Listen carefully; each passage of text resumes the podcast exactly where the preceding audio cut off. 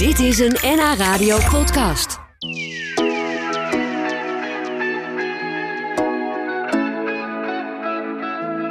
Een gloednieuw jaar ligt voor ons met nieuwe kansen en mogelijkheden. De een die gaat stoppen met drinken of roken, de ander die wil wat kerstkilo's kwijt en sommige mensen die willen graag wat meer diepgang in hun leven. Mijn gast van vandaag is Herman van Tuil. Die schreef een boek dat ze daar wellicht bij kan helpen. Eh, Herman, welkom. Eh, dat boek dat ligt voor mij. En eh, dat is een combinatie tussen Kabbalah en Tarot. Ja. Voor veel mensen begrippen die nou ja, misschien wel eens een keer voorbij zijn gekomen. Maar niet meteen voor iedereen duidelijk wat het inhoudt. Dat geldt voor mij persoonlijk ook. Laten we beginnen bij het begin. Wat is Kabbalah? Kabbalah is de Joodse spirituele traditie. Die is natuurlijk al heel oud. Het begint bij Mozes die de Torah, de wet, ontvangt op de berg Sinaï. En dat, dat is heel lang is dat, eh, alleen geheim gebleven voor de Joden zelf. Want dat was voor, voor de Joden. De uitverkorenen? De uitverkorenen, halleluja. Maar het is hartstikke mooi natuurlijk. Maar vanaf 1100 zijn er eh, twee bewegingen vanuit het Jodendom zelf. Dat ze het openstellen, de kennis naar niet-Joden. En een hele hoop eh, mensen die spiritueel geïnteresseerd zijn, die realiseren zich, de Bijbel is oorspronkelijk in Hebreeuwse tekst. En die gaan dan vanaf buiten, die komen vanaf buiten, die gaan in het, vooral in, in het Vaticaan lagen een hele hoop uh, scriptures. En die gaan dat dan onderzoeken en bestuderen. Dus dan gaat die Kabbalah open, de kennis en de methodes en de technieken, naar de Europeanen. En de core van de Kabbalah is nog steeds geheim. Daar kom je niet aan. De, orthodoxe Joden uh, beschermen dat. Dat is ook hun privilege. Dat, dat moeten ze ook doen. Want de, de, de core gaat echt over magie plegen met taal, met klank. Daar moeten we ook niet helemaal aan willen komen. Maar de, de technieken dat jij zelf in meditatie zou kunnen komen, dat je zou kunnen verbinden met je eigen hart, je eigen ziel en diverse stadia van goddelijk scheppen zou kunnen verkennen en daar mooie dingen mee zou kunnen maken in de wereld, dat is open en dat is voor iedereen accessible, een Engels woord. Ja, mooi, uh, mooi Engels woord inderdaad. Ja. Uh, veel mensen die uh, hebben er ook wel van gehoord vanwege Madonna. Hè, want die, ja, dat is een bekende die ging popster. heel hip doen. Die, want het, het, werd hip op ja. een gegeven moment. Nou, dan hebben we dat onderdeel Kabbalah, of Kabbalah zoals jij het zegt, hebben we nu besproken. dan de tarotkaarten, want die zijn voor veel mensen wel bekend, denk ik. En dan is ook vaak de associatie er wel met de kermis, met de waarzeggers. Um, is er, geldt dat voor jou ook? Of zeg je nou, ik pak toch op een andere manier, ga ik met die, met die tarotkaarten om?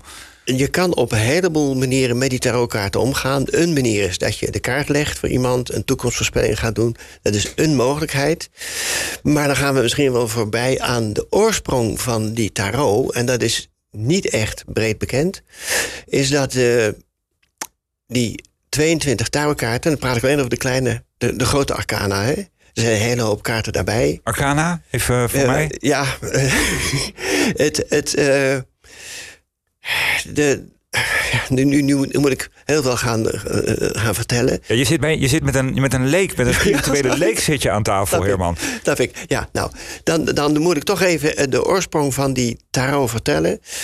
Dat uh, rond 1200 komen er in Fes, buiten Europa, in Marokko, komen er een stuk of twaalf uh, adepten, wijze mannen bij elkaar. En die realiseren zich dat de kerk de echte boodschap van het christendom al lang vergeten is. En de mensen gewoon dom wil houden. Het is een machtsinstituut geworden. De paus is equal aan alle vorsten die er in, in Europa zijn. En die zeggen, hé, hey, we moeten toch de echte waarde van het christendom... de echte waarde van de Torah, van, van wat dat eigenlijk is...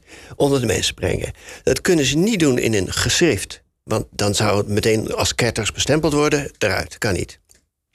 Dan gaan ze, dan nemen ze de toevlucht om die 22 Hebreeuwse letters te verbeelden in archetypes.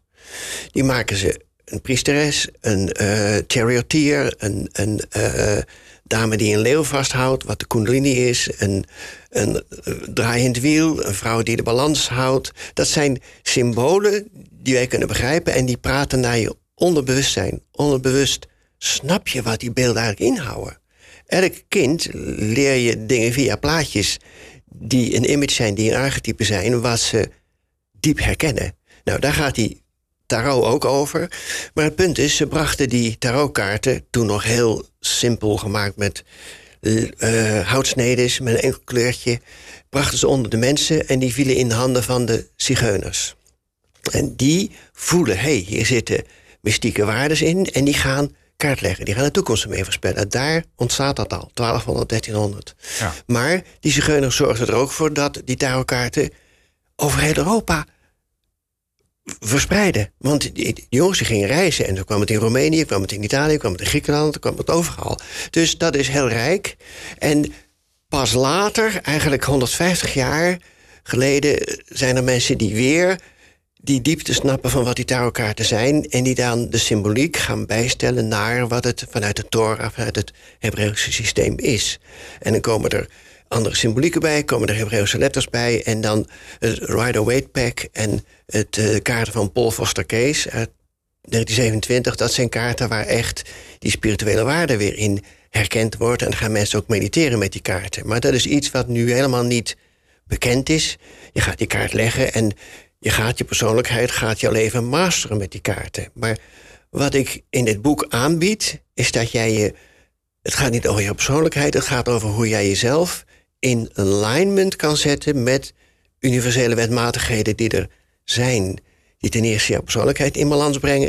En als je dat snapt, als je daarin bent, kan je mooie dingen gaan maken voor de wereld. Niet voor jezelf, maar... voor de wereld, precies. Ja, precies. Ja, want, want mijn volgende vraag was natuurlijk eigenlijk een beetje van... hoe ga je die twee nou... Maar eigenlijk heb je dat antwoord al gegeven. Eh, ze, liggen van, van oorsprong al veel dichter bij elkaar... dan dat we misschien in eerste instantie zouden denken. Mooi, heel mooi. Uh, ik heb hier zo'n boek ook voor me liggen. En uh, het, is, het, is een, het is een waanzinnig, uh, ja, een enorm dik, dik boek is het met heel veel mooie illustraties die jij zelf gemaakt hebt. Ja. dat heeft ook iets met jouw achtergrond te maken, want je hebt namelijk ooit de Rietveld Academie gedaan. Ik heb een MOB tekenen, ja. ja, dus jij bent, jij bent een kunstenaar en, en dat verklaart ook waarom het er zo mooi uitziet. Ik, ik zal even wat op proberen te houden. de camera gaat het als het goed is nu even meepakken voor de mensen die nu mee zitten te kijken via, via de webcam. Um, want uh, ja, het, is natuurlijk zo dat uh, vanuit de, de, de geschiedenis, zoals, zoals ik hem een beetje mee heb gekregen, wat jij net al aangaf, de zigeuners die het hebben overgenomen en die zeggen, joh, het is eigenlijk een soort van tool om de toekomst te voorspellen.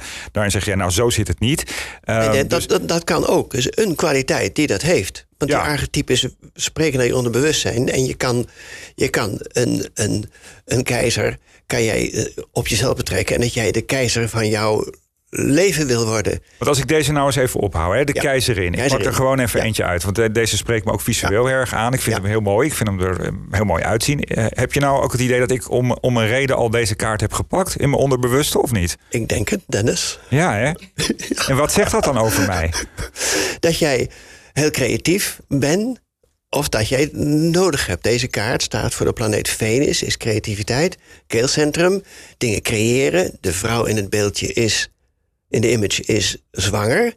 En ze draagt zorg voor haar kinderen. Eh, het gaat over de natuur, het gaat over well-being, over compassie. Dus, dus een uh, sterke hartkaart. Dus jij eh, zal een actief hartchakra hebben, Dennis. Een hartchakra. Ik, het woord chakra heb ik wel eens voorbij horen komen. kun je me daar ook nog even over bijpraten? In Even snel.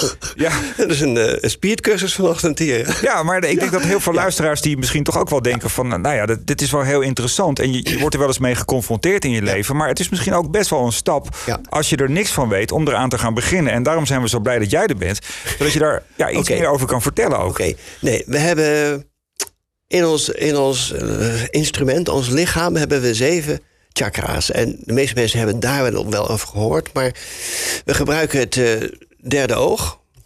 Wat veilig denken is, gebruiken we ontzettend veel. Er gaat wat image in en wat informatie enzovoort. Maar bij een echte beslissing die je moet nemen, die belangrijk is voor je leven, mag, moet en kan je hart erbij komen.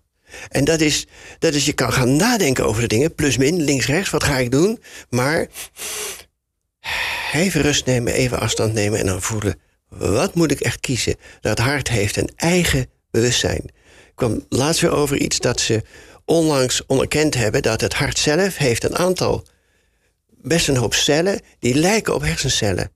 En die, die, die, de, het hart heeft een eigen consciousness. En dat is niet jouw consciousness, dat is verbonden. Het hart verbindt.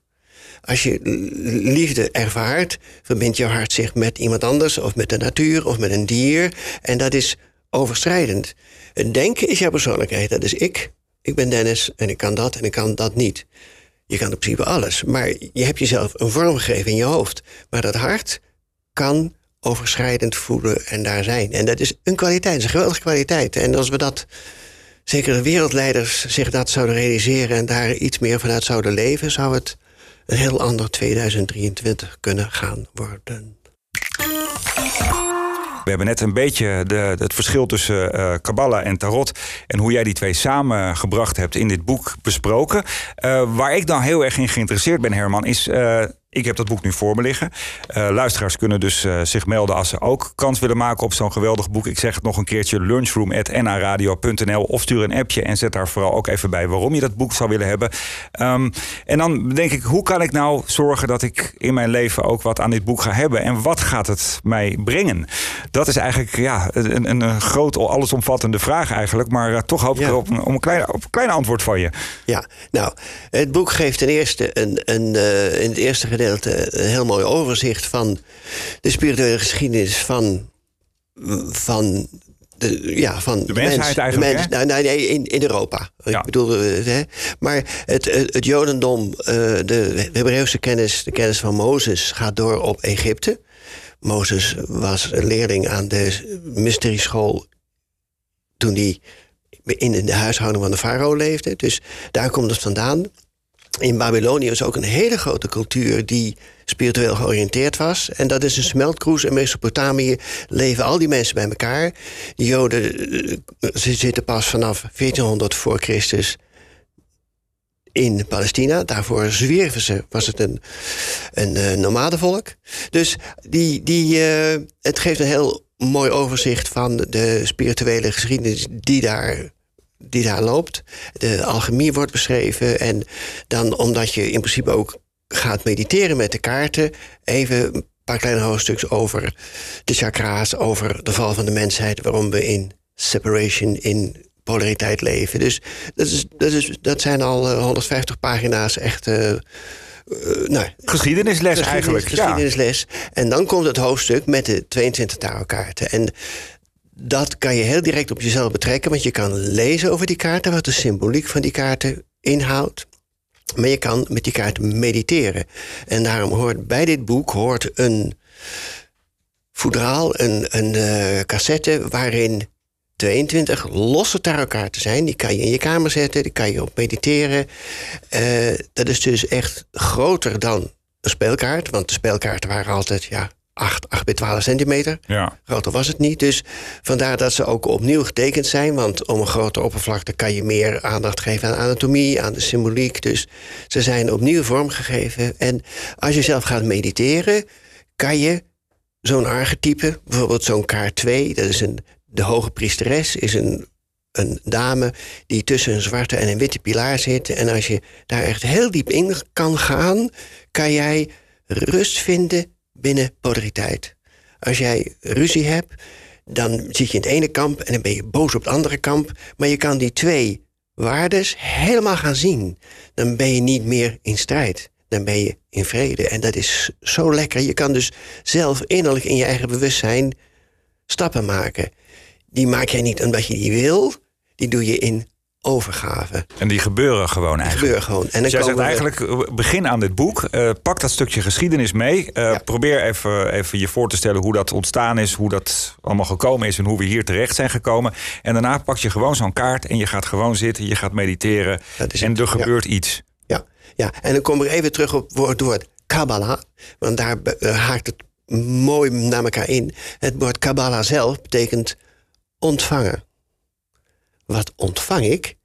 Je, je ontvangt goddelijke harmonieprincipes.